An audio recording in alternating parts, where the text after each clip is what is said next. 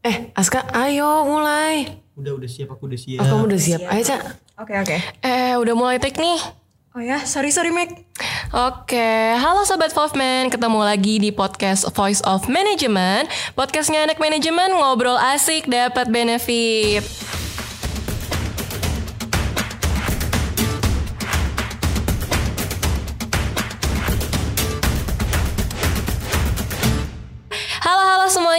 gimana nih kabar Sobat Wolfman yang sedang mendengarkan? Semoga sehat selalu dan semangat terus ya kuliahnya. Oke, sebelumnya kenalin dulu, aku Trinisa Puspa Mega Rahayu, biasanya dipanggil Mega. Aku dari manajemen 2021 dan sekarang ini aku diamanahi menjadi staf tetap Public Relation HMDM FEBUB Khususnya di External Affairs. Di episode kali ini sedikit beda ya teman-teman. Karena kalau misalnya di episode sebelumnya tuh kan cuman ada satu podcaster aja. Nah di sini aku nggak sendiri nih Sobat Wolfman Aku ditemenin sama Caca Halo Caca, boleh nih kenalan dulu ya Halo Mega, halo Sobat Wolfman. Kenalin, aku Caca dari manajemen 2021 dan sama kayak Mega, eh, aku dari staf tetap Public Relation HMDM FEBUB khususnya di External Affairs.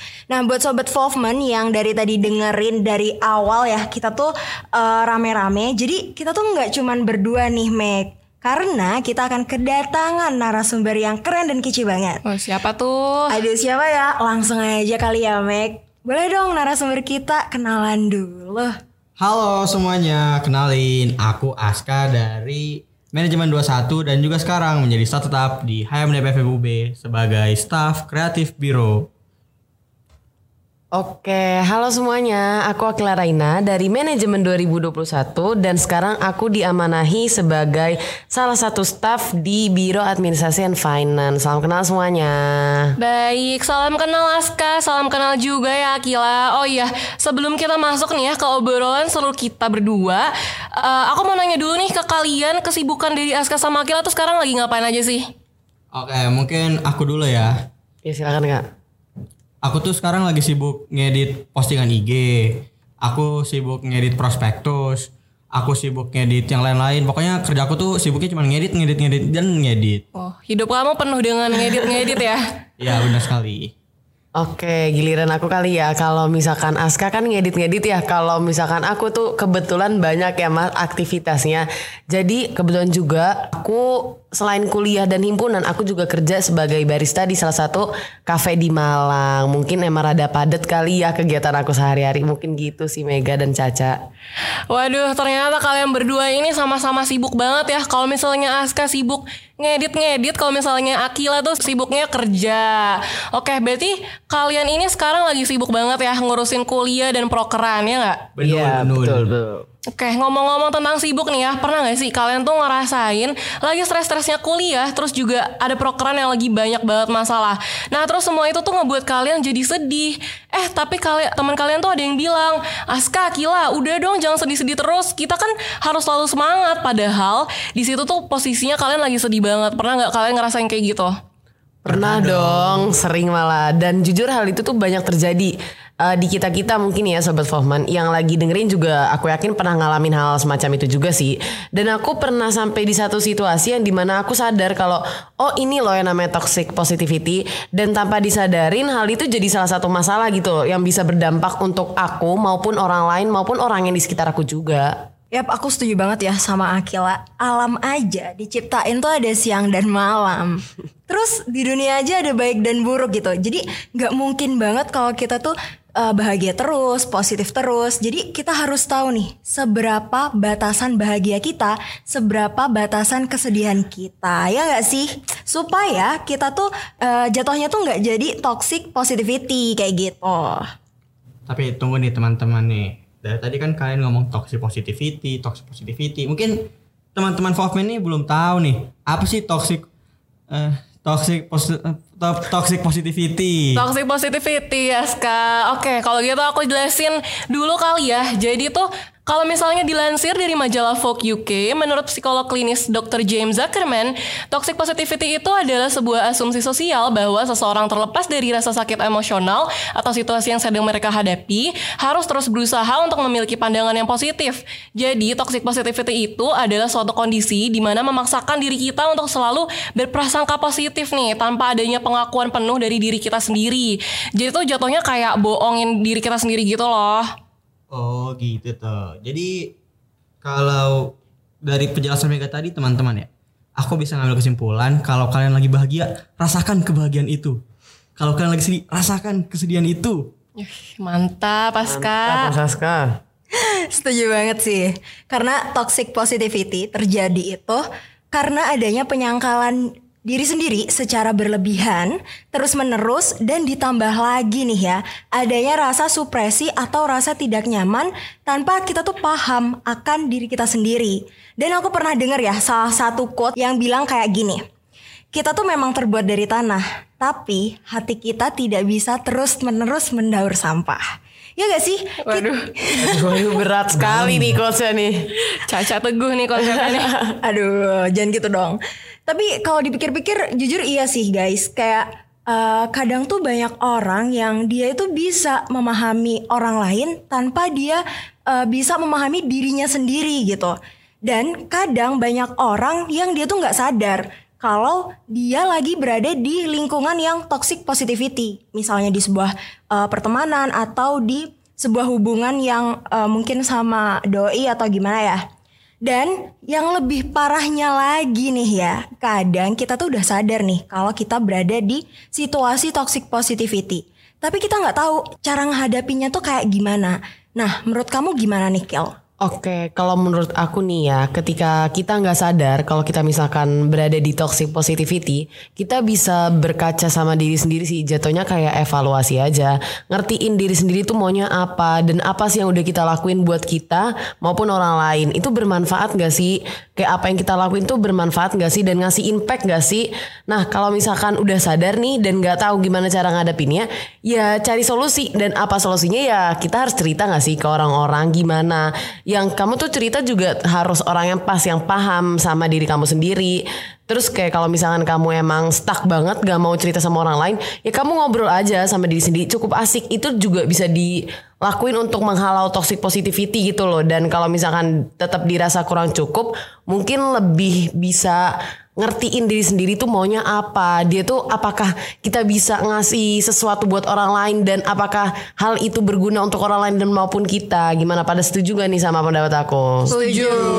Setuju banget, setuju banget. Jadi intinya tuh kita harus selalu kenal sama diri kita sendiri. Jadi kalau misalnya kita lagi capek ya jangan dipaksain. Kalau kita udah tahu itu tuh gak ada benefitnya ya jangan dilakuin ya say. Karena toxic positivity itu bisa merusak pola pikir. Dah lebih parahnya lagi itu juga bisa merusak mental kita. Ya benul ya benul. Kalau dipikir-pikir lagi ya, orang yang tanpa dia sadari lagi berada di sebuah toxic positivity relationship, dia juga menerima komen-komen dari orang lain tentang dirinya yang bersifat intimidatif. Yang di mana itu tuh udah bisa dikatakan sebagai verbal abuse. Jadi misalnya nih, let's say ya, let's say kita mau nonton, mau pergi nonton The Talks nih, The Talks. Terus janjian sama teman-teman kita. Kayak, eh pakai bajunya yang kasual ya, kasual gitu. Terus mungkin pas hari H Mega sama Caca udah janjian kan pakai baju kasual terus ketemu si Mega ngomong ke Caca, "Eh baju baju lu kok gitu sih, Ca? Jelek banget." Nah, kan agak gimana kan teman-teman kan itu kan udah bully, gak boleh. Bener banget kak. Kalau dilihat juga ya lama kelamaan kalau dibiarin juga pasti kita mikir oh I think it's wrong. Ini seharusnya itu nggak terjadi. Dan ketika ada sesuatu hal itu terjadi, pasti respon kita tuh marah kan. Ngomongin soal verbal abuse gitu ya. Aku tuh pernah kak eh, jatuhnya tuh bullying sih ya. Dan di situ tuh aku masih SMA dan aku masih kelas 3 SMA dan waktu itu kita pengen UTBK. Nah, gimana sih namanya juga anak SMA gitu punya dong ekspektasi lebih untuk di perkuliahan. Terus aku tuh emang punya cita-cita untuk masuk Universitas Brawijaya gitu loh. Dan pada saat itu kan aku udah mulai kerja ya. Aku udah mulai kerja, terus aku udah mulai jadi barista, aku juga les, terus ada kegiatan aktivitas aku yang lain dan aku juga sempat jualan dan lain-lain. Dan itu yang uh, ngebikin stigma tentang aku tuh buruk. Jadi orang-orang nganggep aku tuh nggak mampu buat masuk universitas yang bagus. Jadi waktu itu suatu ketika aku lagi nggak kerja, aku lagi cuti satu hari bukan cuti sih libur lebih tepatnya. Aku lagi libur dan pas aku ke sana tuh bos aku tuh bilang eh Rai, kamu tahu gak sih tadi ada yang ngomongin kamu dan aku wondering dong apa nih dia ngomongin apa nih mungkin kayak gosip-gosip di luar sana ternyata enggak dia tuh ngomongin kalau misalkan eh eh, kamu tahu Raina gak sih dia tuh nggak bakal bisa masuk universitas universitas bagus karena dia tuh memiliki kesibukan yang menurut gue tuh dia nggak bisa fokus ke diri sendiri jadi dia benar-benar nggak underestimate dan aku yakin gosip itu juga udah nyebar ke uh, orang-orang sekitar aku juga sih dan itu menurut aku oke kenapa anda bisa berbi- berbicara seperti itu menurut aku nggak pantas aja Parah ya, parah ya. Tadi kan Caca sempat mengasih quotes ya teman-teman ya. Kalau tanah kita tuh terbuat dari tanah, tapi hati kita tidak selalu bisa mendaur ulang tak sampah gitu kan. Mungkin teman-temannya Kila tadi yang sempat ngomong Kila gak bakal bisa masuk PTN, Kila gak bisa masuk UB. Mungkin mereka terbuat dari tanah sengketa ya. waduh waduh percaya Bahaya sih kalau dari tanah sengketa. Tapi eh, kalau dari kamu nih Kil, apa sih yang ngebuat kamu eh, nggak omongan orang lain itu salah? Cara kamu menghadapi omongan itu kayak gimana? Kalau aku, aku memiliki pemikiran gitu. Aku memiliki prinsip kalau misalkan kita cuma punya dua tangan untuk nutup telinga, tapi kita nggak punya ribuan tangan untuk nutup mulut orang. Jadi aku menggunakan prinsip aku itu untuk ngerespon terhadap omongan orang-orang. Jadi aku lebih ke cuek aja. Loh, aku bisa loh ngasih proof. Aku bisa loh ngasih bukti kalau aku tuh bisa ngelakuin itu. Dan aku tuh nggak seperti apa yang kamu utarakan. Jadi menurut aku kayak ya udah, nggak usah didengerin. Kita tetap fokus ke diri sendiri aja. Oke, dan pada akhirnya kamu buktikan kan, kamu Iya. sekarang duduk di eh, sini kita eh, podcast bareng, cerita bareng, sharing-sharing bareng.